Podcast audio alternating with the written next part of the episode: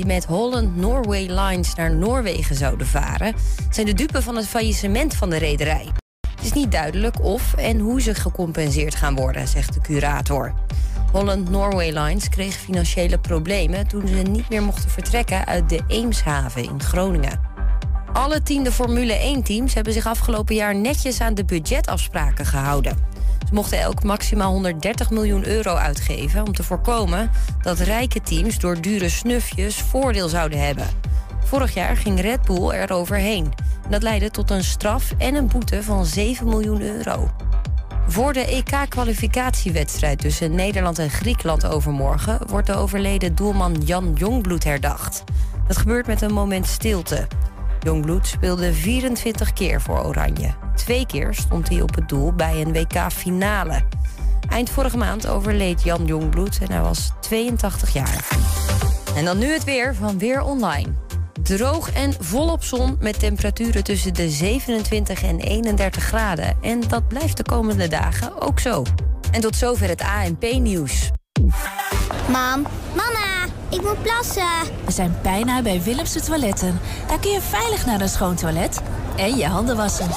Willemsen Toiletten. Het openbaar toilet in de binnenstad van Enschede. Voor een hygiënisch en plezierig bezoek vindt u in de klanderij. Lever na uw toiletbezoek de waardebon in bij een van de deelnemende winkeliers. Scan de QR-code of kijk op willemsentoiletten.nl.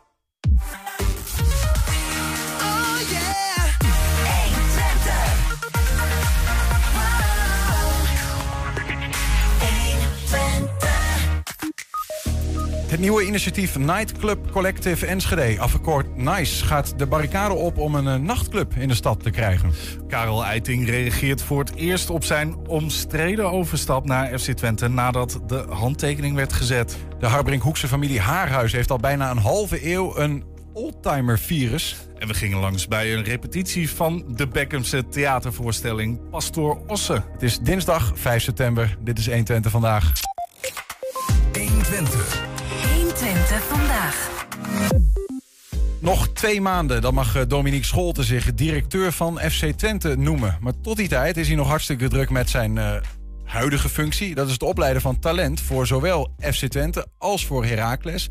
In zijn functie als eh, directeur van de FC Twente Heracles Academie. Onlangs presenteerde hij de, de nieuwbouwplannen voor het opleidingscentrum. Dat staat in Hengelo en dat mag hij nu nog eens dunnetjes over doen bij ons. Wat dat betreft, Dominique, welkom. Leuk dat je er bent. Dankjewel.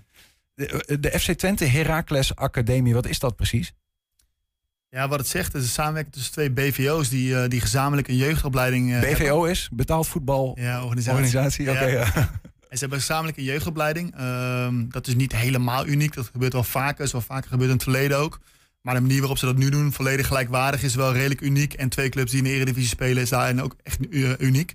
Ehm, dat is het eigenlijk. Maar gel- volledig gelijkwaardig, wat bedoel je daar dan mee? Nou, ze stoppen er allebei evenveel geld in, evenveel tijd en evenveel energie in. En we hebben allebei hetzelfde belang daarbij ook. Ja. En, eh, en dat is wel eens anders geweest.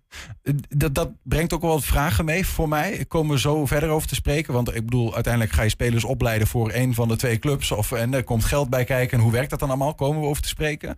Ehm, maar is het feit dat zo'n opleidingscentrum dan in Hengelo staat ook een direct uitvloeisel? Want FC Twente, gevestigd in Enschede, Heracles Almelo, dat het dan een beetje letterlijk in het midden zit? Ja, het is wel mooi. Het is, neutraal. Hè? Eh, we hebben ook wel eens eh, Hengelo de stad van de verbroedering genoemd. Ehm, waar het vandaan komt is natuurlijk wel vrij simpel. FC Twente zat daar al, het jeugdcomplex was daar al, de opleiding was behoorlijk groot eh, de periode hiervoor. Eh, dus daar komt het vandaan. Maar in de toekomst, hè, op het moment dat Twente eh, naar Enschede gaat, eh Heracles zit al in Almelo, dan, dan heb je wel echt een neutrale positie. Ja, ja. Jij bent 3,5 jaar geleden begonnen, hè? daar ongeveer. Daarvoor eh, nou ja, zag het er wel wat anders uit, geloof ik, qua hoe de, hoe de hazen liepen en zo. Eh, zometeen daarover wel wat meer. Eerst even de persoon Dominique Scholt, want je hebt zelf ook gevoetbald op, op hoog niveau. Hoe ziet jouw loopbaan er ongeveer uit? Nou, als jochie eh, met een droom begonnen. Ik was heel jong, wilde profvoetballer worden. Ehm, ben bij NEC ingestroomd, al vrij jong in de opleiding. De club uit Nijmegen. heb daar eigenlijk alle teams doorlopen. Ook aansluiting gekregen richting eerste elftal. Helaas maar één keer eh, mogen opdraven in de Eredivisie. Ehm, dat is wel tegen Vitesse. Dat is voor mij wel een mooie, Dat was de eh, derby. een mooie droom. Eh 2-0 verloren. Dat was dan wel heel erg jammer. Ehm, uiteindelijk nog een aantal jaar in de KKD gespeeld. Heette toen nog Jupiler League bij Top Os. Ehm, en uiteindelijk ben ik doorgegaan in de top amateurvoetbal. Het was mij niet weggelegd om, om altijd te blijven spelen in de eredivisie. Mhm. Eh, ik had goed mijn best gedaan op school. En ben, eh ben in top amateurvoetbal doorgaan en gewoon gaan studeren, gaan werken. En eh, ben nu waar ik ben. Ja, nou ja, toch ook een, eh, een, een mooie plek wat dat betreft. En ik bedoel, straks nog weer die, eh, ook een stap naar echt algemeen directeur van FC Twente. Had had je dat gedacht ooit toen je zeg maar op het voetbalveld bij NEC stond? Eh, nee, zeker niet. Dus eh, vaak als ik mezelf moet voorstellen, dan noem ik het een plan A. En eh, dat is helaas niet helemaal gelukt. Maar ik ben nu bezig met een aardig plan B. En eh, daar ben ik heel erg blij mee. Maar ik had het niet, niet zo bedacht toen ik eh 14, 15 was eh, en eh, ergens nog in de B1 van NEC speelde. Ja. Dat ik ooit algemeen directeur zou worden van een voetbalclub. Nou, het moest en zou voetbal zijn, wel. Of niet per se. Nou, In de tussenperiode heb ik bij NOC-NSF gewerkt. Eh, dat ging over Team NL, de Olympische Spelen met name. Ik heb daar wel heel veel mooie dingen van de sport gezien. Dus, Rio de Janeiro, begreep ik. ook geweest, ja. ja. Olympische Spelen. Ja, nee, dat is mooi. Ik heb daar heel veel sport gezien. Ook, ook gezien hoe sport eh, beleefd werd, hoe daar gewerkt werd met talenten. eh, hoe mensen zich ontwikkelen, eh, klaarmaken voor grote wedstrijden. Dus daar is mijn view wel breder geworden. Maar dan komt de NEC op, op een gegeven moment weer terug van... hey, kom je bij ons werken? En dan denk je eerst van, nee, dat ga ik niet doen. Maar twee dagen later was het rond en dacht ik, nou, ik ga het gewoon doen. Voetbal is het allerleukste, de allerleukste bijzaak van de wereld. En ik ga het gewoon proberen. En tot nu toe gaat het vrij goed. B- Ben jij nou eh, meer een FC Twente of meer een Heracles, man? Wow. Ehm, ik, ik ben neutraal gekomen. Eh, ik ben hier echt letterlijk neutraal gekomen. Ik kwam uit Nijmegen. Ik werkte bij NEC. En eh, zag dat als een enorme kans om mezelf te ontwikkelen. Ehm, ja, ik ben nu toe aan het werken naar, eh, eh, naar gevoel bij Twente, zeg maar. Dat voel ik ook. Ehm, Is dat niet gek? Voor iemand die in principe op een hele neutrale academie eh, leiding geeft? Eh, dat ik daar naartoe ga werken nu. Ja? Nou, ik zie nu vooral mijn rol dat ik, dat ik het goed moet achterlaten. Dat ik moet zorgen dat, eh, dat we verder kunnen bouwen. Ik denk dat we hele mooie stappen gezet hebben de afgelopen jaren. Een mooi fundament. Eh, maar er is absoluut eh, eh, ruimte voor verbetering. En ik zie nu vooral echt mijn job, zeg maar, richting Heracles en FC Twente. Om het heel goed achter te laten. Ja. Wat daar mooi bij komt, is dat ik natuurlijk in mijn nieuwe rol hier ook alleen maar profijt van ga hebben als het goed achtergelaten wordt. Dus Ja, ja. Eh, ik ben met name daarop gefocust. Ja, je kunt jezelf ook een voordeel doen door het iets meer in het voordeel van FC Twente achter te laten. Wat is dan het voordeel? Nou ja, dat je eh, bijvoorbeeld eh, de goede spelers vanuit de academie naar FC Twente gaan. Ja, ja nee, dat zou kunnen. Ehm, op dit moment kunnen spelers altijd zelf kiezen. Ja. Dus is er interesse van beide clubs, dan is het eigenlijk een simpel antwoord. Eh, beide, de spelers gaan maar beide clubs praten. Ze kunnen allebei inhoudelijk hun verhaal doen. Ze kunnen een aanbieding doen. Is aan de speler om, eh, om te gaan kiezen. Ja, ja. En ook qua, eh, wat je zei, qua, qua geld die de clubs in zo'n academie steken, dat is gewoon allemaal gelijke monniken, gelijke kappen, zeg maar. Ja. Klopt. Ja.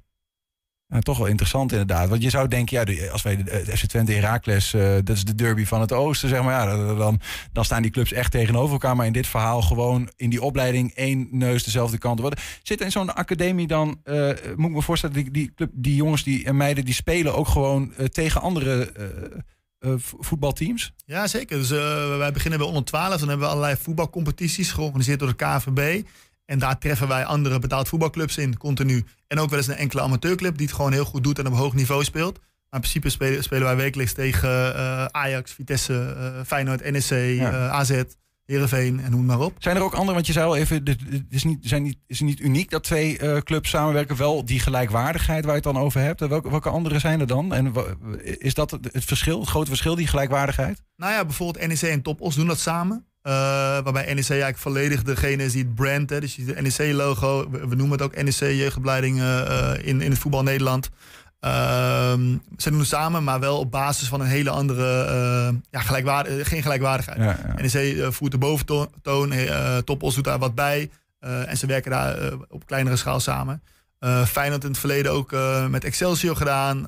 Cambuur en Herenveen hebben uit mijn hoofd... Cambuur Groningen, sorry, hebben dat samen gedaan.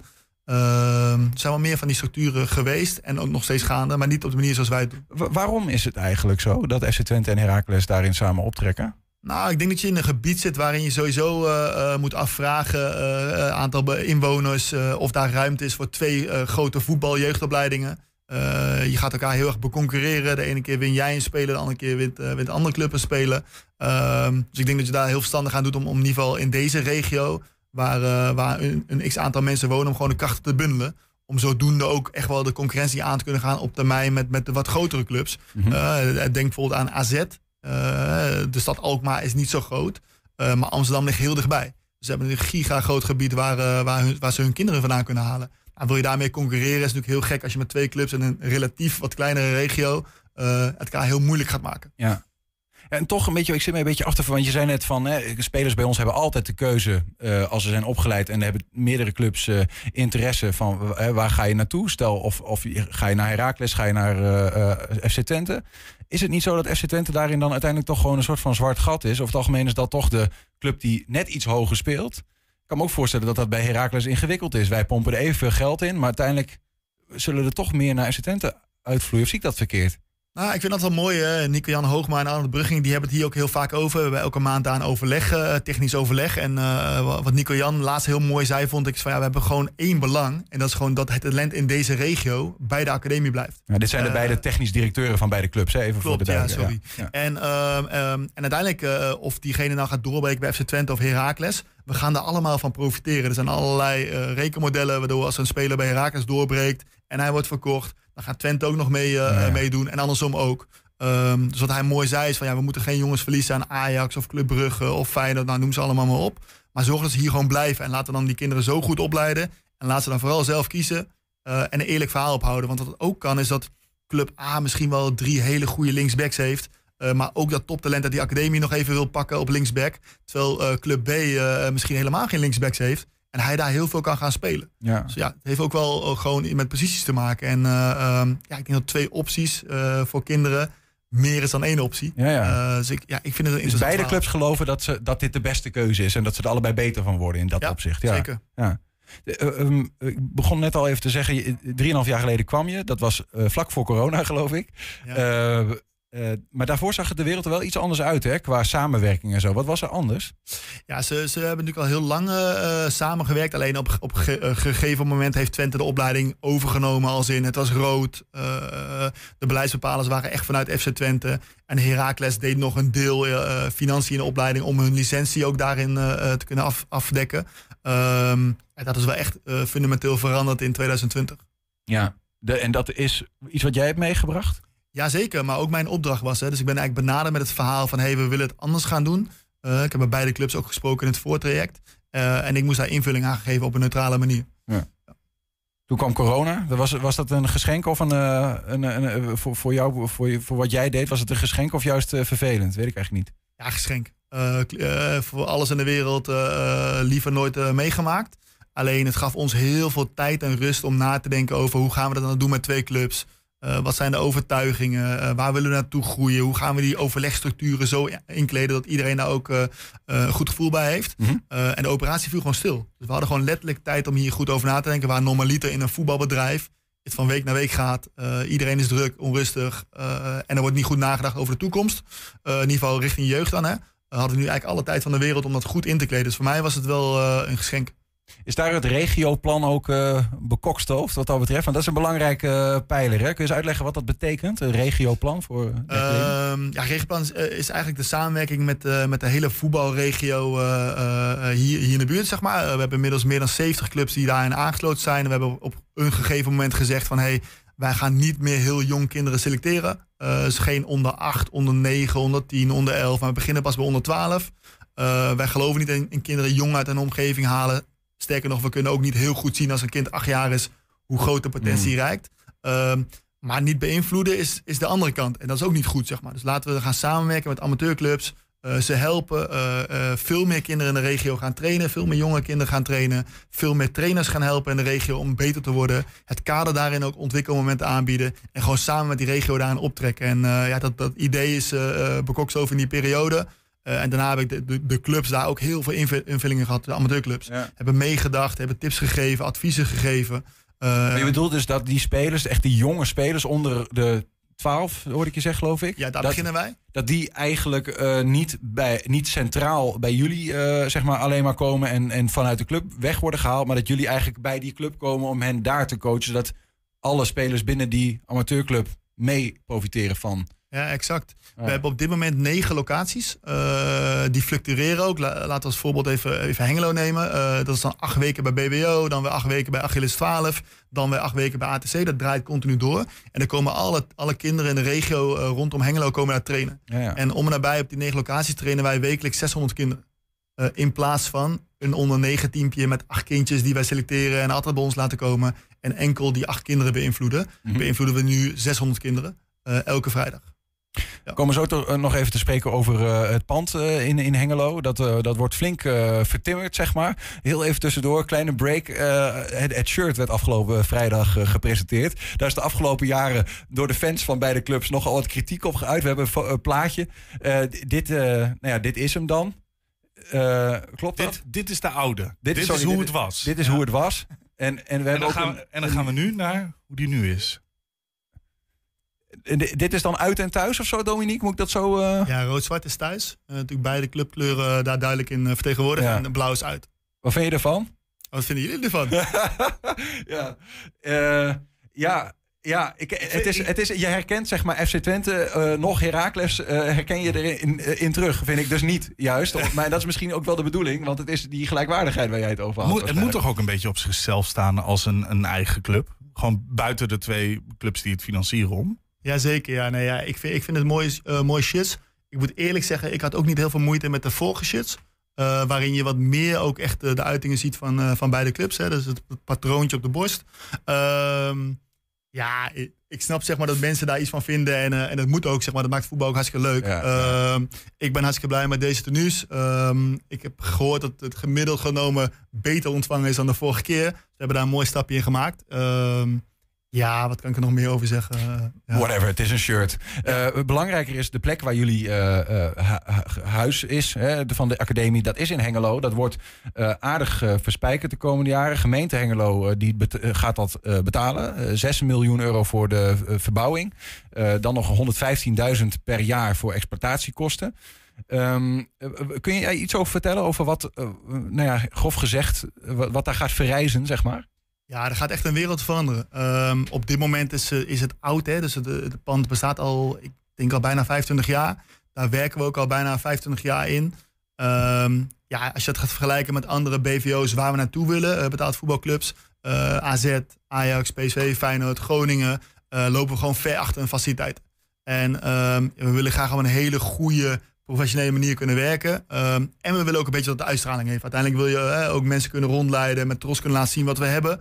Eh, en dus ook daar, daarbij goed kunnen werken. Nou, als je gaat zien wat er nu gaat gebeuren eh, de komende twee jaar, gaan we daar een gigantische stap in maken. Ehm, en ben ik daar heel erg blij mee. En ik denk dat dat een van de belangrijkste ontwikkelingen van de afgelopen jaren is. Dat we dit gaan doen. Eh, en gaat- Aantrekkelijk voor spelers om dan voor die academie te kiezen. ja, de manier van werken gaat veel makkelijker worden, nog beter worden. Dus ik denk dat de academie een enorme boost gaat krijgen de komende jaren hierdoor. Ehm, overigens, ve- veel geld hè, die de, gem- dat de gemeente Hengelo dan meebrengt. Hoe werkt dat dan? Gaan jullie dan dat van hen huren of zo? Komt dat op die manier bij hen terug? Ja, we gaan het, eh, eh, het bestaande pand wordt gerenoveerd. Eh, er komt een nieuw gebouw bij. Een deel daarvan zou ook eh, gebruikt worden door andere partijen die, eh, die daar ook zitten. Eh, en wij gaan het huren en daarbij nemen we ook het onderhoud af voor de velden. Dat doen Ja. we bij Gilderboor, eh, de lokale partij. Daar betalen we een hele som voor. En, en daar is zeg maar, het bedrag eh, eh, wat zij in mindering gaan brengen, is ook duidelijk geworden. En eh, ik denk dat het een hele mooie afspraak is waarin ook de gemeente Hengelo laat zien dat ze voor deze regio eh, bereid zijn om, eh, om echt iets te, iets, ja, iets te ontwikkelen voor heel veel mensen. Ik ben benieuwd. Tot slot nog heel even met je hebben over jouw, jouw stap zometeen. Of over twee maanden. Mhm. Ehm, eh, dan word je algemeen directeur. Je volgt Paul van der Kraan op bij FC Twente. Zin in? Spannend? Wat, ja, heel veel zin in. En spannend gaat het zeker wel worden, denk ik. Ehm, ik zei net tegen jouw collega al, ja, die, op het moment dat dat bekend wordt, dan, eh, dan word je natuurlijk overladen door berichtjes en eh, word je helemaal geleefd. Inmiddels ben ik weer volle bak bezig met de academie en kijk af en toe een keer stiekem mee bij FC Twente. Eh, maar ben ik vooral bij de academie bezig. Maar ik kijk wel uit naar het moment dat ik, eh, dat ik in ieder geval mee ga lopen. En dan vanaf 1 februari ga ik ook echt eh, de rol overnemen en word ik echt algemeen directeur. ja, ja. Eh, tot dat moment blijft Paul het, maar ga ik vooral met hem mee, eh, eh, meelopen. En dan heb je Ja. dus eigenlijk eh, op, op beide functies, hè, bij de TD, technisch directeur Al Arnold Brugging, die eh, meeloopt met Strooien, min of meer. Ja. En, en jij met eh, Paul van der Kraan. Ja. Is dat niet kwetsbaar bij een club? Of is dat. Is dat... Ja, ik vind het heel erg heel verstandig. Ik, ik vind vaak dat een, zeker de voetballerij een abrupt einde komt aan functies. Iemand gaat weg en er komt iemand nieuw. Alle kennis gaat daarmee verloren. Er is geen, geen overleg meer. Ehm, dus ook bij de academie ga ik nu iemand zoeken. Die ga ik ook nog een poosje inwerken. En dan stap ik zelf over. Ja. Eh, ik vind het juist heel erg verfrissend dat er zo naar gekeken wordt. Eh, omdat het volgens mij veel makkelijker maakt om, eh, om de business verder op te pakken. Ja, dan, maar goed, er staan er straks wel twee nou ja, relatief onervaren mensen op die positie natuurlijk bij Twente. Hè, na, nadat uh, Strooier ook weg is en Van de Kraan. Ja, qua leeftijd zeker. Uh, aan de andere kant, ik denk dat Arnold al heel veel meegemaakt heeft in de voetballerij. Ik zelf inmiddels ook. en ik denk sowieso dat de functies als directeur zijn, dat dat we, we, denken vaak heel erg dat directeuren alle beslissingen nemen en alles zelf bedenken en ook zelf moeten uitvoeren. Ja, de werkelijkheid is dat, dat directeuren vaak beroep op een hele grote groep uh, verstandige mensen. En op basis van die verstandige mensen en wat ze zelf weten en zelf vinden, maken ze hele wijze beslissingen. Uh, en ik ga niet anders doen. We, we, hebben een groep met mensen om ons heen die verstandig zijn en die ons de juiste ingevingen gaan geven dan zullen we met al onze energie en uh, ja, enthousiasme zullen de juiste keuzes gaan maken. Soms moet je wel het echt alleen doen, namelijk reageren op uh, moeilijke situaties. Uh, noem de rellen laatst bijvoorbeeld, stond Paul van der Kraan ineens voor het blok. Ja. nu speelt natuurlijk de, de zaak met Eiting. Zometeen zien we voor het eerst van hem, van de collega's van de RTV Oost, een reactie op die hele, nou, die hele zaak met Volendam. En nou ja, dat het ingewikkeld was, het overstappen naar Twente. Hoe, hoe kijk jij daarna? Vind je daar nog iets van? Interessant. Het gebeurt nu in een periode dat ik mooi mee kan kijken. Dus uh, interessant om te zien, om te kijken hoe, uh, wat er gebeurt, hoe dat gebeurt, uh, hoe, hoe, Paul daarop reageert, hoe spelers daarop reageren. Super interessant. Maar inhoudelijk ga jij hier niks over zeggen nu? Nee. Snap ik al. Dominique Scholte, dankjewel dat jij bij ons was. Om even te praten over vooral de academie, maar ook over jouw overstap naar assistent als algemeen directeur. Succes daarmee ook, veel plezier. En we gaan elkaar ongetwijfeld nog een keer in die hoedanigheid tegenkomen, denk ik. Dankjewel. Zometeen het nieuwe initiatief Nightclub Collective Enschede, afgekort NICE, gaat de barricade op om een nachtclub in de stad te krijgen. 120. 120 vandaag. Nederlandse clubs hadden tot uh, afgelopen vrijdag 12 uur s'nachts de mogelijkheid om nog spelers aan te trekken. Bij FC Twente werd in de, de, dagen voor de sluiting van die transfermarkt nog zaken gedaan. Aanvaller Mitchell van Bergen kwam over van het Franse Stade Ruims. En Karel Eiting, we noemen hem al even, maakte toch de overstap vanuit Volendam. Een transfer die heel wat voeten in de aarde had. Ja, speler, FC, of, uh, speler Twente, Volendam lag met elkaar in de clinch over het transferbedrag en de afspraken die waren gemaakt. Er kwamen zelfs twee arbitragezaken aan te pas. Blij dat alles achter de rug is nu? Ja, heel blij. Echt heel blij. Ja, nog even de interviews nu die er misschien nog over zullen gaan. En dan uh, na vandaag hoop ik dat, het, uh, ja, dat ik me gewoon kan focussen op voetbal en op Twente.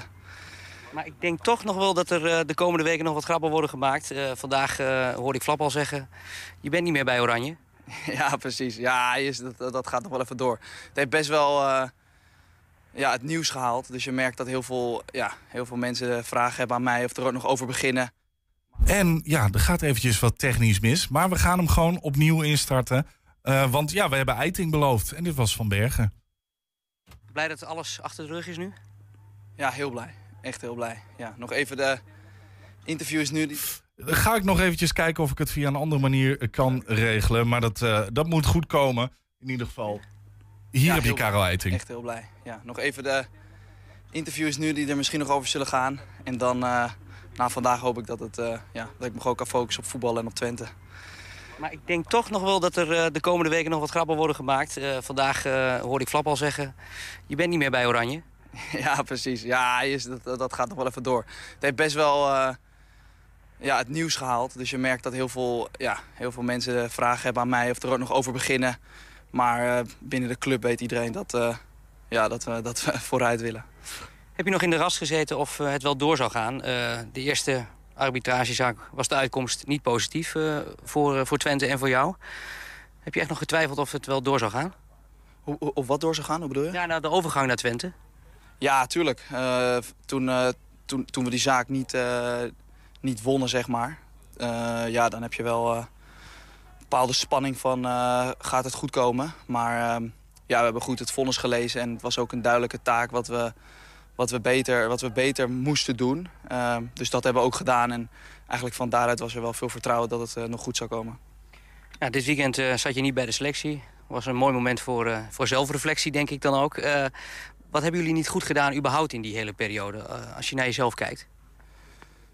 Ehm, ja, ik, ik denk toch nog in de, uiteindelijk in de communicatie uh, met, met alle partijen. Uh, en dan gaat het snel over tot speculatie in plaats van dat je, ja, dat je elkaar weer uh, ja, weer in gesprek gaat over wat is, de, wat, is, ja, wat, is de, wat is de bedoeling, waar willen we naartoe, hoe, hoe, is hoe is ontstaan, wat is ontstaan. Um, ja, soms dan raak je tijdelijk nog verder uit elkaar. En eigenlijk is het dan het beste denk ik, om in gesprek te gaan en om, om te blijven zoeken naar een oplossing. En uh, ja, dat, dat hebben, hebben wij wel geprobeerd. Ja, maar toch, je hebt je ook ziek gemeld. wat werd gehekeld daar in Volendam. Dus als je naar jezelf kijkt, wat had je zelf anders moeten doen? Oh, hoe bedoel je dat? Je nou ja, want ik hoorde eh, Wim Jonk afgelopen zondag zeggen... ja, eh, een dag voor de wedstrijd tegen Vitesse liep hij nog vrolijk op het trainingsveld... en een dag later was je ziek. Uh, als je daar nu op terugkijkt, hoe heb je daar gehandeld, vind je zelf? Um, nou ja, ziek melden is natuurlijk een uh, zeg maar formele naam van hetgeen wat er gebeurt. Um, en wij hebben ja, eigenlijk afspraken gemaakt met de club voordat ik zou komen. En ja, die kwamen die werden niet nagekomen. Uh, en toen ontstond er eigenlijk een hele onprettige, onprettige situatie voor mij... waarin ik met meerdere mensen meerdere gesprekken heb aangekaart van, uh, van hoe het met me gaat... Wat er in me omgaat, hoe het voelt om, om rond te lopen um, hier op de club. en ja, daar, daar werd niet helemaal ja, naar geluisterd. Um, en ik denk ook in de topsport dat er wordt verwacht van spelers... Dat, zoals wat jij, hoe jij het nu uh, suggereert... Um, dat, je, ja, dat je alles maar moet doen en dat alles, alles normaal is. Dat het normaal is dat als je um, ja, zoveel pijn en emotie voelt... als wat ik heb gevoeld die afgelopen weken... dat het dan maar normaal is dat je um, je vol kan focussen op voetbal. Uh, dat je alles kan geven wat je hebt. En ja, dat, dat was helemaal niet zo voor mij. en zo voelde ik me ook helemaal niet. Uh, dus dat heb ik ook aangekaart. En uh, ja, dan, dan is de, de ziekmelding, die naam is voor heel veel mensen heel raar. Van wat ben je, dan kan je niet je bed uit. Nee, ik kon zeker wel mijn bed uit. Ik kon ook trainen, maar ehm, de, de situatie op de club was dusdanig onprettig. Uh, die werd ook steeds onprettiger. nou ja, in, in, in die zaak heb ik ook meerdere, meerdere details daaraan verteld wat er dan gebeurt en hoe zoiets tot stand komt. Ja, en weet je, ook, ik kan er van alles over vertellen. Weet je, ook de, de afmelding meteen uh, na de training, uh, dag voor de wedstrijd, ben ik ook... Um, heb ik de, de clubarts gebeld, uh, besproken met de huisarts van... oké, wat, wat gebeurt hier, wat, wat, wat, wat, is de situatie, is het wel verstandig, kan ik morgen spelen?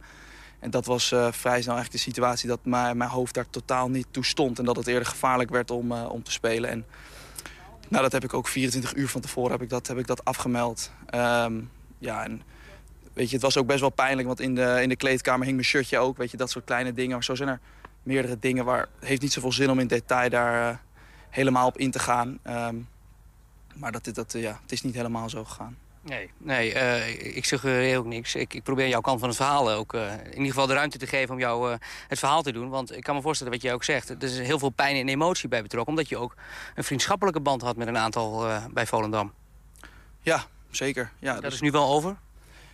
Nou, ik, had, ik heb ook besproken om niet meer in te gaan op persoonlijke dingen. En uh, ja, ook een van de redenen waarom ik liever niet het te groot heb gemaakt met de media... is omdat je het eigenlijk wil proberen om, om persoonlijk op te lossen of persoonlijk dat te gaan doen. En er is al zoveel schade naar mij als persoon gekomen. Um, maar ook naar de club. En dat is eigenlijk het, het, laatste wat ik, wat ik wil. En ook voor, voor, voor mensen um, ja, gewoon heel zonde om daar eigenlijk over te praten... en om dat ja, nog erger te maken.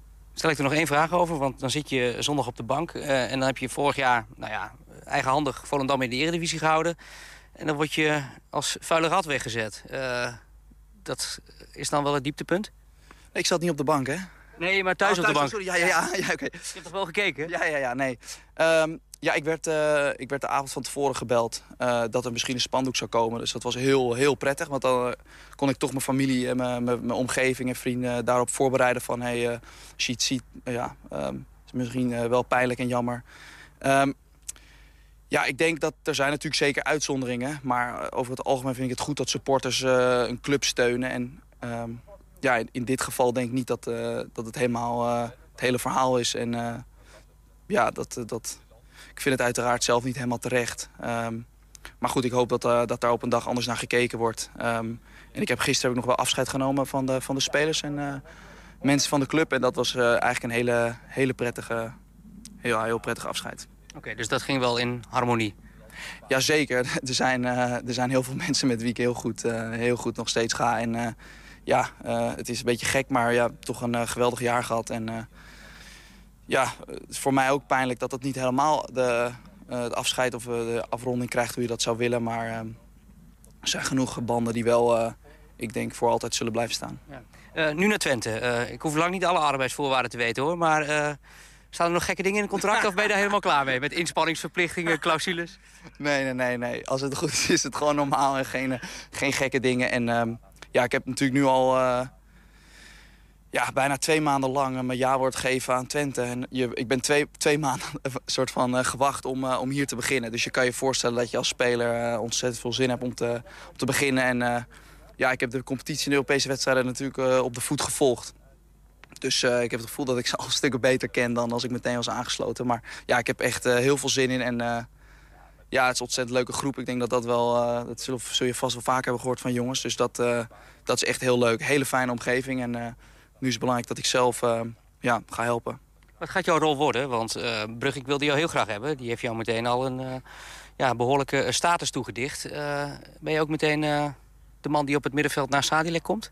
Nee, dat, dat gaat natuurlijk, dat bepaalt de trainer. Maar ja, ik ga er alles aan doen om, eh, om, om de spelers hier te helpen. Om de, de staf, de club, supporters. eh. ja, het is natuurlijk een geweldige uitdaging in een eh, fantastische club. Ik denk dat ik vier keer in het stadion heb gespeeld. Dus ja, ik wist hoe groot, de, hoe groot het was, hoe groot de club is. En gewoon echt, echt een hele mooie, gave nieuwe stap. Ja, want kun jij een beetje inschalen? Je bent ervaren, je hebt eh, ook eh, op hoog niveau gespeeld. eh, Champions League ervaring zelfs. Waar, waar dit FC Twente toe in staat is dit seizoen? Of is dat nog een beetje te vroeg? Ja, vind ik heel moeilijk te, heel moeilijk te zeggen. Wat ik heb gezien is het echt, echt een hele goede ploeg. En ze doen het natuurlijk nu al, al twee jaar achter elkaar echt heel goed. Ehm, dus ja, we gaan het zien. En het begint met hard werken en, en doorgaan. En dan uiteindelijk gaan we kijken van, eh, hoe, goed dat, eh, hoe goed dat is. Ja, nog even over die hesjes. Eh, heb je dat gewoon afgedwongen in het contract... dat je niet in een oranje hesjes hoeft te spelen? nee hoor, dat is geen probleem. Ja, Karel Eitingen hoorde je vandaag eh, op het trainingsveld bij FC Twente. De overgang van die andere nieuwe aanwinst, Mitchell van Bergen, die verliepen heel wat soepeler. Mitchell, wat voor de Mitchell, wat dagen, voor de dagen heb jij achter de rug? Eh, spannende dagen, maar eh, zeker leuke dagen, ja. Op, welke manier spannend? Nou ja, kijk, als je hoort dat er interesse is vanuit Twente en eh, je bent ermee bezig, dan komt het steeds dichterbij. Dus dat is wel eh, ja, spannend. Alleen eh, nu ben ik er, dus ja, ben super blij. Hoe stond jij zelf, om in voetbaltermen te blijven, een beetje in de wedstrijd na twee jaar in Frankrijk, waarbij het, ik hoorde het jou ook in een ander interview zeggen, niet helemaal van geworden is, misschien wat je op voorhand had gehoopt. Welke plannen gingen er door jouw hoofd van, ja, hoe moet het aankomende seizoen eruit komen te zien? Nou ja, kijk, uh, ja, wat ik ook eerder heb aangegeven is dat uh, het simpelweg gewoon niet gelukt is in Frankrijk. En uh, daar ga je naar oplossingen zoeken en dit past perfect, denk ik. En ik hoop hier gewoon ja, belangrijk te kunnen zijn voor het team. En veel assists te geven op Flappy. nee, nee, nee. Ik, ik liep vlak net achter ons langs, ik. Staat er nog steeds. nee, maar ik hoop gewoon belangrijk te zijn. Dat, dat, is voor mij, ja, dat is voor mij goed. En, nou ja, dan noem je zijn naam al, want uh, het is niet alleen een weerzien voor jou met Jozef Oosting, maar ook uh, met uh, Michel Flap.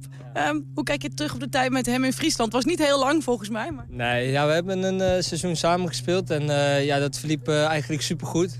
Veel, veel goals samen gemaakt, dus ja, dat, dat voelt prima, ja. Heb je dan um, op het moment dat die interesse al speelt ook al even contact met hem? En zo ja, hoe gaat dat eraan toe? Ja, ik heb, uh, ik heb wat jongens gesproken. Ricky heb ik gesproken, Sam heb ik veel gesproken. Flappy ook eventjes. Dus uh, ja, dat gaat over en weer en uh, ja, dat voelt gewoon goed. Ze gaven allemaal een, een, een positief um, oordeel van dat Twente een goede keuze is? Ja, zeker. Ja, ze zeiden, zeiden dat de club goed was. Supporters zijn fanatiek, dus ja, dat past wel. Dus ja, daar ben ik super blij mee. Ja. Toch heel even kort nog terug op jouw periode bij Stade Rennes. Want je zegt, ja, het is dus niet helemaal geworden wat ik ervan had gehoopt. Waar zit hem dat vooral in? En in hoeverre zit daar ook een deel in dat je daar bij jezelf een beetje te raden gaat van... hé, hey, waarom is het niet gelukt? Ja, nou ja, simpel uh, statistieken. Um, ja, je komt daar met de bedoeling als rechtsbuiten. Nou, dat, uh, dat is eigenlijk niet gebeurd. Ik heb denk ik twee wedstrijden op rechtsbuiten gespeeld. Ja, dan kom je niet lekker in je kracht. En natuurlijk heb ik zelf ook mindere dingen gedaan. Alleen, ja, het heeft gewoon met verschillende dingen te maken. Dus ja, ik kan er niet echt een vinger op leggen. Nu hoor je wel eens van jongens dat ondanks dat het dan sportief niet helemaal uitpakt zoals ze hopen... dat het zijn wel op andere manieren ja, toch sterker maakt of iets brengt. Uh, in hoeverre is dat voor jou het geval? Um, ja, kijk, je wordt natuurlijk wel volwassener als speler. Um, je wordt harder. Je leert ook met, uh, met hardere keuzes omgaan. Dus ik heb, uh, ik heb wat dat betreft wel veel meegemaakt. Veel mooie dingen meegemaakt. Dus ja, dat, dat zit allemaal in het rugzakje. Ja. En hardere keuzes, heb je daar voorbeelden van? Ja, nou ja, goed. Kijk, je, je traint een hele week op rechtsbuiten. En uh, uiteindelijk uh, vlak voor de wedstrijd sta je op linksback. Dus uh, ja, zulke dingen. Of, of ja, je komt net, net kijken en je speelt net twee wedstrijden... en dan in één keer sta je bij het tweede. Dus ja, dat zijn wel ja, harde keuzes zonder uitleg, ja. Vooral zonder uitleg. Dat lijkt me heel lastig. Ja, nou ja, kijk, hier in Nederland ben je gewend dat je altijd wel uitleg krijgt. Alleen in het buitenland is het toch net wat anders. Ehm, ja, kijk je op een lijstje, sta je er niet bij. En dan, uh, dan moet je te horen krijgen van je zit bij het tweede. En je kan niet vragen van wat is de reden, want dan uh, heb je een, een, klein probleempje denk ik uh, in het buitenland, ja. Dat, dat, leer je gauw genoeg? Ja, dat leer je wel, ja. ja, ja. Lange verblijf in Frankrijk was voor jou sowieso uitgesloten? Ja, kijk, ik ben nog jong en ik wil gewoon heel graag voetballen. En mezelf kunnen laten zien. En ja, kijk, buitenland is natuurlijk wel financieel altijd wat, uh, wat hoger. Alleen uh, ja, daar gaat het op deze leeftijd niet echt om, denk ik. En uh, voor mij was het gewoon belangrijk om te, vo te voetballen. Een goed gevoel te hebben, gewaardeerd worden. En ja, de eerste week is het aardig gelukt, denk ik, ja. Heb je meteen je minuten kunnen maken, zondag, minuut of twintig? Hoe fit ben jij? Wat, wat kun je aan? ja, ik had niet verwacht dat ik, dat ik zo fit eruit zou komen eigenlijk. Maar ik ben wat dat betreft wel, ja, toch wel redelijk fit, ja. En, hoe kijk je dan, ja, het, is, het zijn maar 20 minuten, maar hoe kijk je dan toch terug op, op dat debuut? Ja, wel oké. Kijk, uh, natuurlijk zijn er altijd dingen die je beter kunt doen. Um, ik heb eigenlijk vier maanden geen wedstrijd gespeeld. Dus was voor mij best wel even weer uh, wennen. Alleen ik denk, uh, ja, als ik misschien wat betere keuzes had gemaakt... dat ik dan ook aandeel in, in de score had kunnen, kunnen hebben. Alleen, ja, voor, voor de rest was het prima, denk ik toch bijna een strafschop versierd. Ja, bijna. Nee, uiteindelijk heb ik teruggekeken, was een goede tackle volgens mij. Dus uh, ja, jammer. Misschien had ik wel net even een tikje moeten geven dat het dan wel een penalty was. Maar nee, ja, gewoon een uh, goed debuut gemaakt, denk ik. Is het voor jou dan wel lekker dat er nu even een uh, interland weekend tussen zit? Ja, dan kan ik mooi 90 minuten hier proberen te voetballen. Dat is wel, ja, dat is wel lekker. Ja, er staat een aardig potje te wachten daarna. Ja, Ajax. Ja, die ligt wat dat betreft wel, wel lekker altijd. Dus ja, ik ben benieuwd. 120. 120 vandaag. Enschede heeft een uh, leuke binnenstad vol met kroegjes en restaurantjes. Maar er mist volgens het nieuwe collectief Nice nog wel iets. En dat is een nachtclub.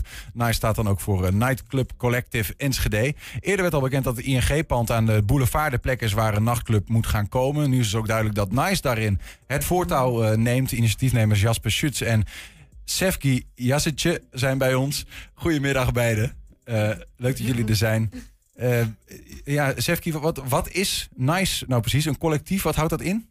Uh, ja, wij zijn eigenlijk een, een, hele berg aan organisaties. We hebben even geteld en het zijn er minimaal 25. Je hebt ze opgeschreven, zag ik. Ja, ja, klopt. Ik dacht, laten we even, om even aan te geven hoe breed de, ja, de groep is die hier aan tafel zit. Want... In één ademteug? Oké, okay, uh, Artes Conservatorium, Nieuw Elektronisch Waar, Void, De Sector, Valkyrie Floor Angels, Nachtkantoor, Punt, Sound Unbound, uh, Prut, Look, Studio Daniel Maalman, Tiny Giant, Undertow, Sick Fam Events... In the Middle of the Rhythm Radio, Syndicat, Pronksnor, Oscillate, Smiley Collective, Catnip Foundation, Boots and Cuts, uh, Warp, Orbit en de Nachtburgemeester.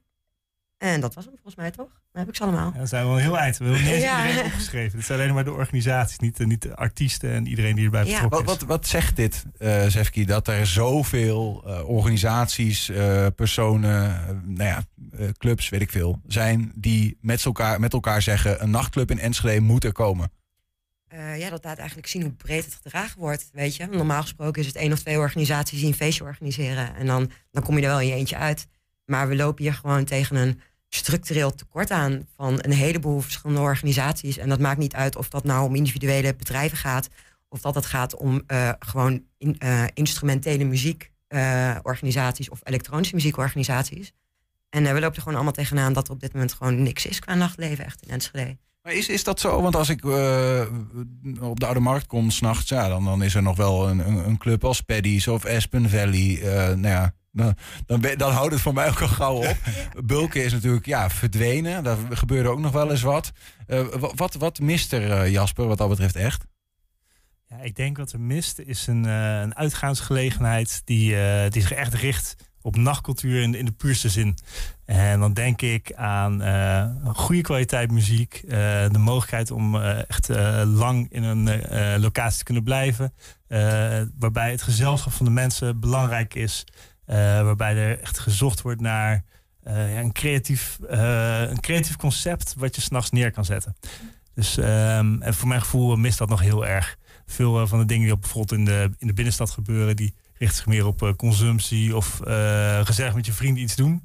Wij gaan echt voor het, het, het, aanbod wat we neer kunnen zetten. We proberen dat zo kwalitatief hoogwaardig mogelijk neer te zetten. Ik snap het nog steeds niet helemaal. Uh, wat bedoel je dan met het aanbod dat we neer kunnen zetten? Dat daar artiesten optreden per definitie? Of hoe...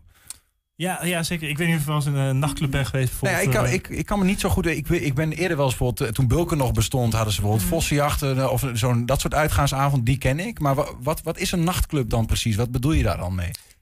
Normaal gesproken, zeg maar, als jij uit wil gaan... dan moet je eigenlijk de keuze maken tussen... wil jij genieten van muziek of wil je kunnen praten met je vrienden? Wil je kunnen socializen of wil je kunnen feesten? En dat is ook iets, ook iets wat je ziet om de Oude Markt heen.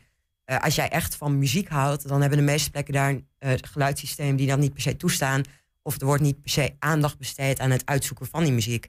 En uh, ja, wat hij al zei, het meeste gericht op consumeren. En dat is ook echt op ook een beetje dronken worden en dat soort uitgaansavonden. Terwijl als je kijkt naar nachtclubs, dat is iets wat uh, een voorliefde voor kwalitatief goede muziek, maar dan ook dus ook een kwalitatief goed uh, geluidssysteem samenbrengt met de behoefte om met elkaar om te gaan, om mm. nieuwe mensen te leren kennen, om met je vrienden een leuke avond te beleven. En ja, die combinatie die, die is er niet echt. En dus als je zegt van ja, ik snap niet echt wat daar dan mist. Nou, je geeft zelf ook al aan, weet je wel, er is wel een paddies, maar de paddies, uh, je kunt daar dezelfde muziek horen als je daar over meerdere weken heen gaat. Zeg maar. ja, ja, ja. Je wil weer gevarieerd uh, te zijn, maar je mensen komen daar ook samen. Ja. Want even de, dan dat community ding, uh, dan, dan ga ik toch een beetje denken in Enschede bijvoorbeeld aan een spacebar, waar eerder uh, nou, de culturele sector, een, een hele grote gemeenschap, weet ik, samenkwam nou ja, op structurele basis. Gewoon voor de gezelligheid, dat valt weg. Um, uh, is, is dit iets wat, wat ook voor die, want je noemde uh, Warp, die, die zit, zat daaraan vast, een broedplaats, die, wat, wat dat gat moet opvullen? Is wel, uh, is, oh sorry. Ja, nou ja, het mag, maakt mij niet zoveel uit hoor. Ik weet niet precies wat de rolverdeling is, ja. maar... nou, ik, ik vind het wel grappig dat je dat inderdaad ook noemt, want wij zijn in principe als collectief begonnen uit van, hé, hey, wij zoeken een plek. Toen zijn we aan tafel gaan zitten om te kijken van wat zijn mogelijkheden. En uiteindelijk liepen wij tegen een gebrek aan plekken aan. Dus zijn wij in eerste instantie met z'n allen een brandbrief gaan schrijven. En die brandbrief, daar hebben wij getuigenissen ingeschreven van verschillende organisaties. En uh, ik heb dat ding doorgewerkt.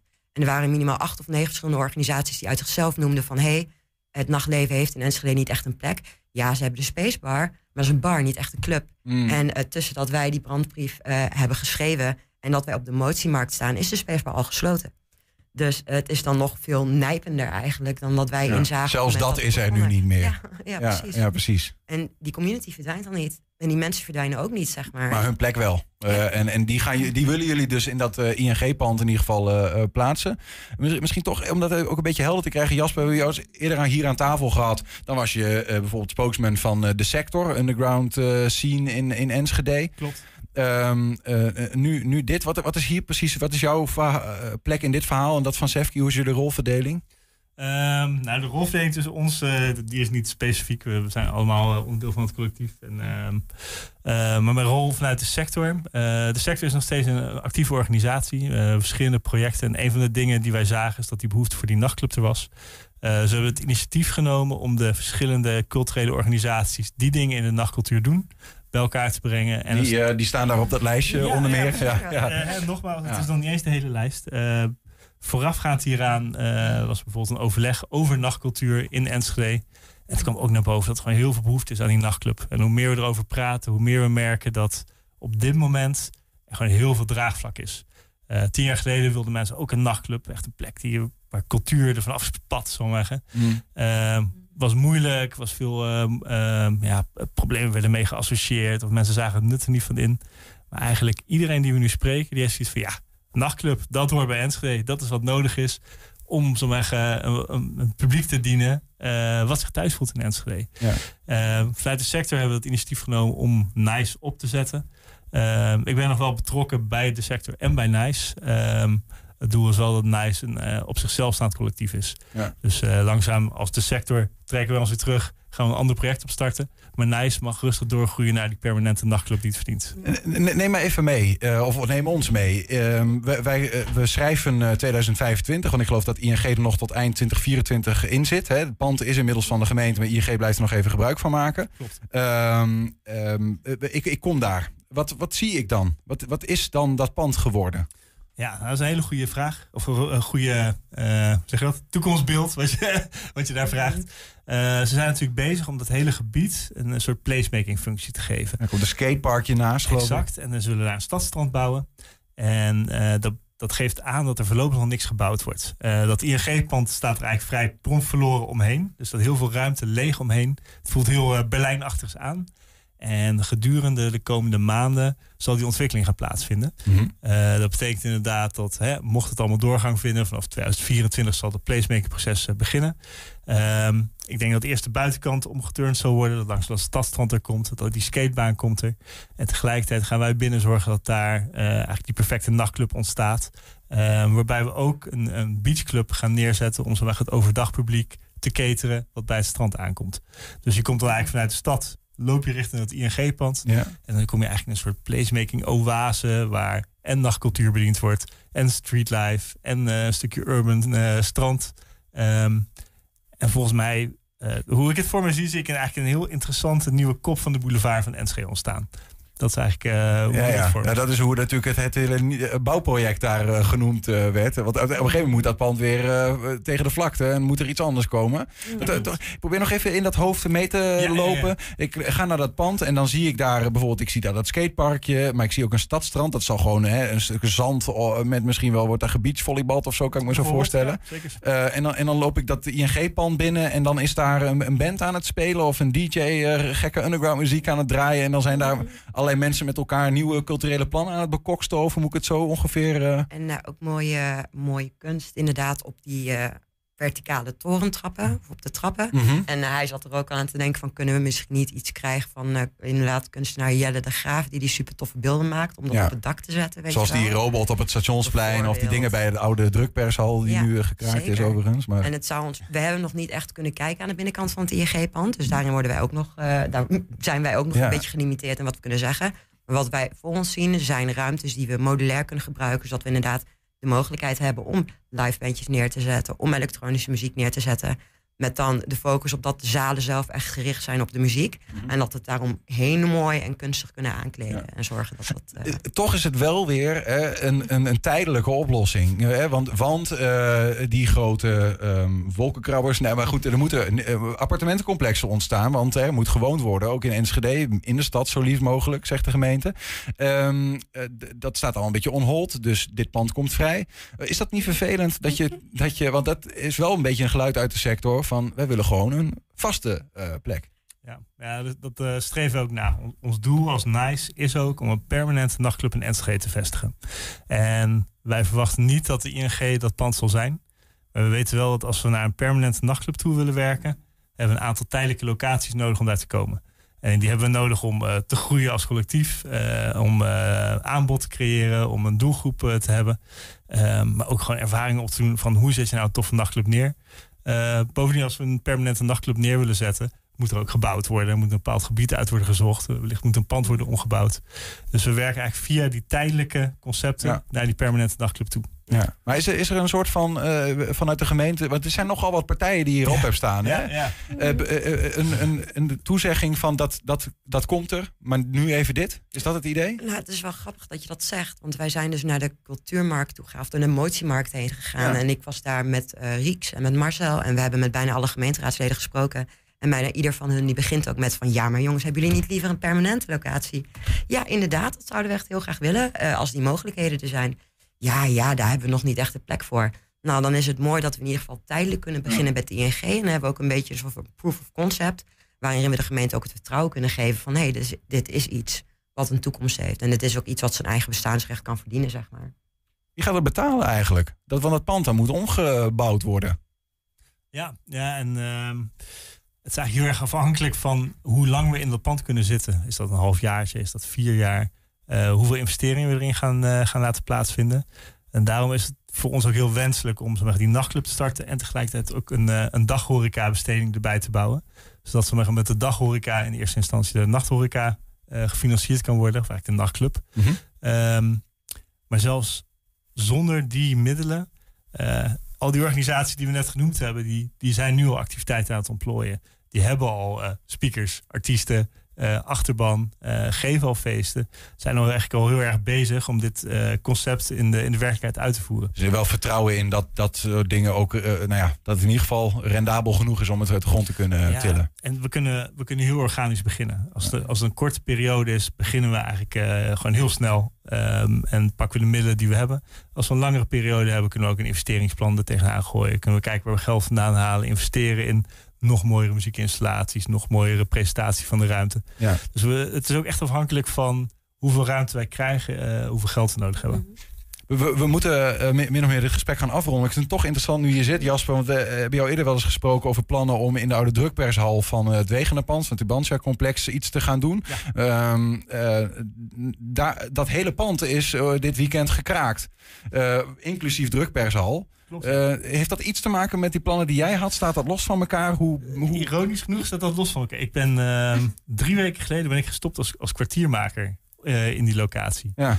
En toen ik daar bezig was, waren we eigenlijk aan het voorbereiden om volgend jaar daar activiteiten te kunnen gaan ontplooien. we waren aan het wachten op vergunningen en bepaalde, ja, gewoon om te zorgen dat allemaal dingen mogelijk waren. Um, in de tussentijd was ik al bezig om kleine dingen daar te laten plaatsvinden. Dus er konden wat dingen gebeuren. We hebben wel een festival er laten plaatsvinden, wat kunstevenementen. Um, nu ben ik gestopt en gelijk drie weken later is uh, de drukpershal gekraakt en het uh, pand erbij. Dus ja, gekscherend zeg ik een beetje, uh, misschien was ik een beetje de dop die de geest in de fles hield. Um, toen ik daar wegging is misschien ook gelijk het besef geweest van oké, nu kan er niks, dus gaan we het kraken. Ja. En, um, heft in eigen hand. Ja, ik denk heft in eigen hand. En de, de, ik denk dat het heel erg aangeeft dat er gewoon heel veel behoefte is aan cultureel vastgoed in Enschede. Ik denk dat dat uh, het lange verhaal kort is. Uh, Sefki, tot, uh, tot slot. wanneer gaat de nachtclub er zijn? Wanneer kunnen we er terecht? Als het aan jou ligt? Oeh. Nou ja, als je, nee, niet als het aan jou ligt. Wat, wat denk je? wat ik denk? Nou, ik hoop dat we in ieder geval met sowieso maximaal een jaar daar stappen kunnen maken. Maar ja, eerder is beter natuurlijk. Heb je al een naam? Uh, daar zijn we op dit moment mee bezig. Oké. Okay. Ja. Mensen ideeën aandragen? Ja, zeker, zeker. Komt maar. Staat genoteerd. Jasper Schutz en uh, Sefki Jazetje. Dankjewel. Hartelijk dank. 120. 120 vandaag. Ja, nog negen dagen. Dan barst het grootste theaterspektakel dat ooit in Beckham heeft plaatsgevonden los. De openluchtvoorstelling Ossen Betret van een pastoor beleeft zijn première op donderdag 14 september. En daarna vindt er nog zeven keer een uitvoering plaats. Ja, we namen afgelopen weekend een kijkje bij de grote doorlooprepetitie in de Beckhamse Sporthal... en spraken met de twee acteurs die de rol van de jonge en de oude pastoor op zich gaan nemen.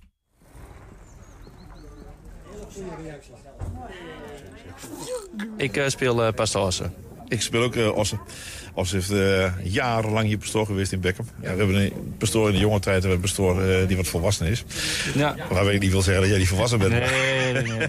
Jan Riesenwijk uit Lossen, waar ook op Pastor Oscar vandaan komt, die heeft een stuk geschreven.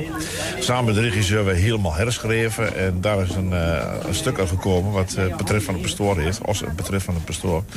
En dat gaan we hier uitvoeren op diverse locaties in Beckham. Het is locatietheater. Wij zitten ook bij toneelvereniging Levenslust. En uh, nou ja, zo zijn de rollen een beetje verdeeld uh, hier uh, zeg maar onder de leren. Maar ook alle mensen die van buitenaf komen. En nou, ze vonden dat wij de goede osses waren. Dus vandaar dat wij er zijn. Nou was die osse een, een nogal strakke man, heb ik gelezen. Hoe, hoe bereid je je nou voor dat je ongeveer zo beweegt en zo doet als osse? Nou, Osse was strak, maar uh, Osse had ook ontzettend veel humor. Ook een ontzettend goed, goed gevoel voor humor. Uh, terwijl het echt geen humorist was. Dus het is, uh, ja, hoe probeer je dus humor uh, te brengen zonder dat je grappenmaker bent. En zo ga je hem neerzetten? Ja, zo proberen we hem neer te zetten, ja. ja, ja, ja. Onze zoon wil priester worden. Heel veel priester, man. Ja, zeker. Die onderhand. Oh nee, ze zullen het dorp onderhouden toch ook? Nee. Ja, er spelen 580 mensen mee en voor iedereen moet de kleding klaar zijn. Eh, het geluid moet eh, goed zijn. Het decor eh, moet gebouwd worden. Eh, ja, er zijn heel veel mensen uit Beckham die eh, sponsoren, meehelpen. eh, druk aan timmeren zijn, schilderen zijn. eh. we spelen gewoon gedeeld in een tent. En eh, de sporthal, daar maken we nu gebruik van, waar we straks in de tent gaan spelen. Het is een eh, buitenlocatie waar vroeger de oude kerk eh, gestaan heeft ongeveer. En de bedoeling is dat mensen met jullie meelopen naar die drie locaties? Ja, ja, ja, absoluut, absoluut. Ja, dat gaat nog een verrassing worden hoe we dat gaan doen. En eh, ik ga er nu nog niet te veel over uitbreiden. Eh, ik wil geen spoiler zijn in deze. Maar eh, dat wordt heel interessant, absoluut. Nou, nou ga je 14 september eerst, eerst, eerste optreden, de, de première. Ja, de verkoop gaat hartstikke goed. En we hebben een heel breed toneel, dus bijna iedereen zit haast vooraan. ja, het, is, ja het, het wordt echt een heel mooi stuk.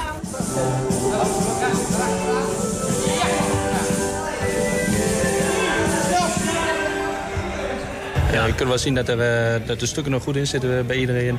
En eh, het is nou een kwestie van aan elkaar eh, zetten. En dan eh maken we er wat moois van. Ja, je hebt, eh, je hebt er goed vertrouwen in. Ik heb er absoluut goed vertrouwen in. Ja, ja, gaat helemaal goed komen. Ik kan hun familie natuurlijk ook niet teleurstellen, hè. Laat maar gaan, Akjels. Ja, de twee hoofdrolspelers Nando Scharenborg en eh, Louis eh, Nibbelink zijn eh, komende vrijdag te gast hier in dit programma. Op donderdag 14 februari is de première en kaarten voor de voorstelling die zijn nog te bestellen. Dat kan via de website. 120. 120 vandaag. Ja, bij de Harbrinkenhoekse familie Haarhuis ontstond bijna een halve eeuw geleden een virus.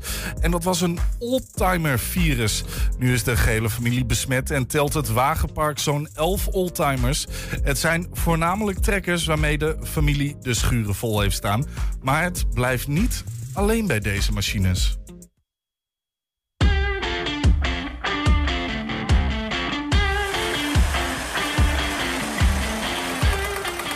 We hebben hier een uh, loonbedrijf, uh, Opa Haarhuis is ermee begonnen. En die is altijd begonnen met de trekkers. Uh, en die trekkers die kwamen allemaal zo rond de Marshallhulp net na de oorlog vanaf 1950. En toen die de trekkers kwamen, ja, toen is dat altijd hier een mechanisatiebedrijf gebleven. En ja, toen kwamen de kinderen en die reden ook trekken. En toen kwamen de zoon, mijn vrouw die heeft bijvoorbeeld alle rijbewijzen, dus die, die, die rijdt ook als een gek. En toen kom ik in de familie, ja, wat moet je dan? Dan neem je ook een trekker. Nou, deze trekker, dat uh, vroeger mee begon met, met loonbedrijf.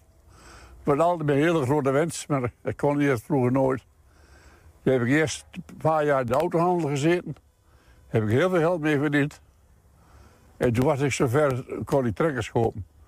Ik heb direct uh, twee nieuwe tractoren gekocht in 1964.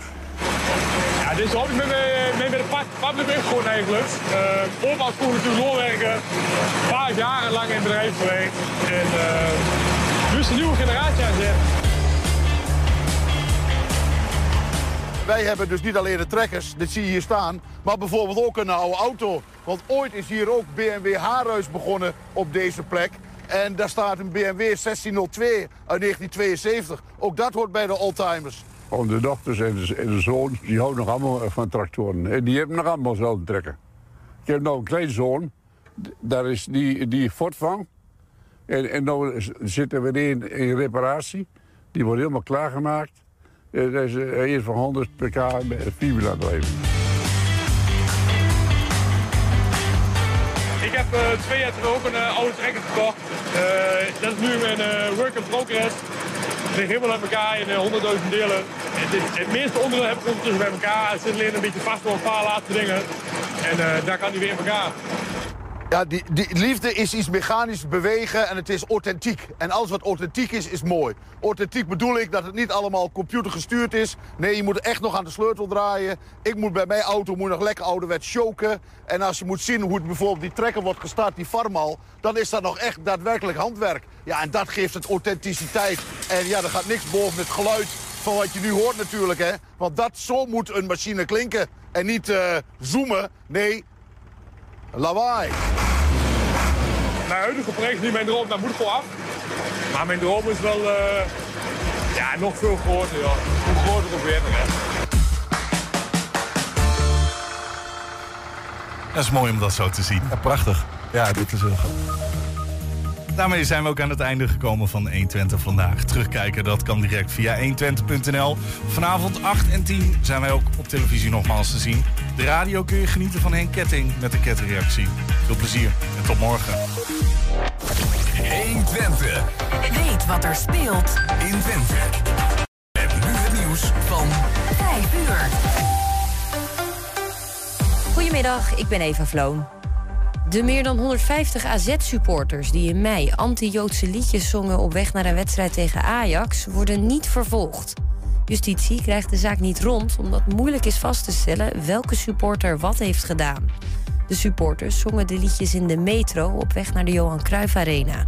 Bij station Strandvliet werd de metro stilgezet. PVDA GroenLinks wil dat iedereen voor 49 euro per maand onbeperkt in de daluren in het OV mag. De partijcombinatie presenteerde vanmiddag de plannen voor de verkiezingen in november. Verder moet het minimumloon met 4 euro omhoog en de rekening komt dan te liggen bij de miljonairs en grote bedrijven. Zij gaan namelijk meer belasting betalen. Het is onduidelijk of de 75.000 mensen die met het failliete Holland Norway Lines naar Noorwegen zouden varen, hun geld terugkrijgen. Mensen met een pakketreis kunnen bij hun reisbureau aankloppen, maar mensen met een los kaartje moeten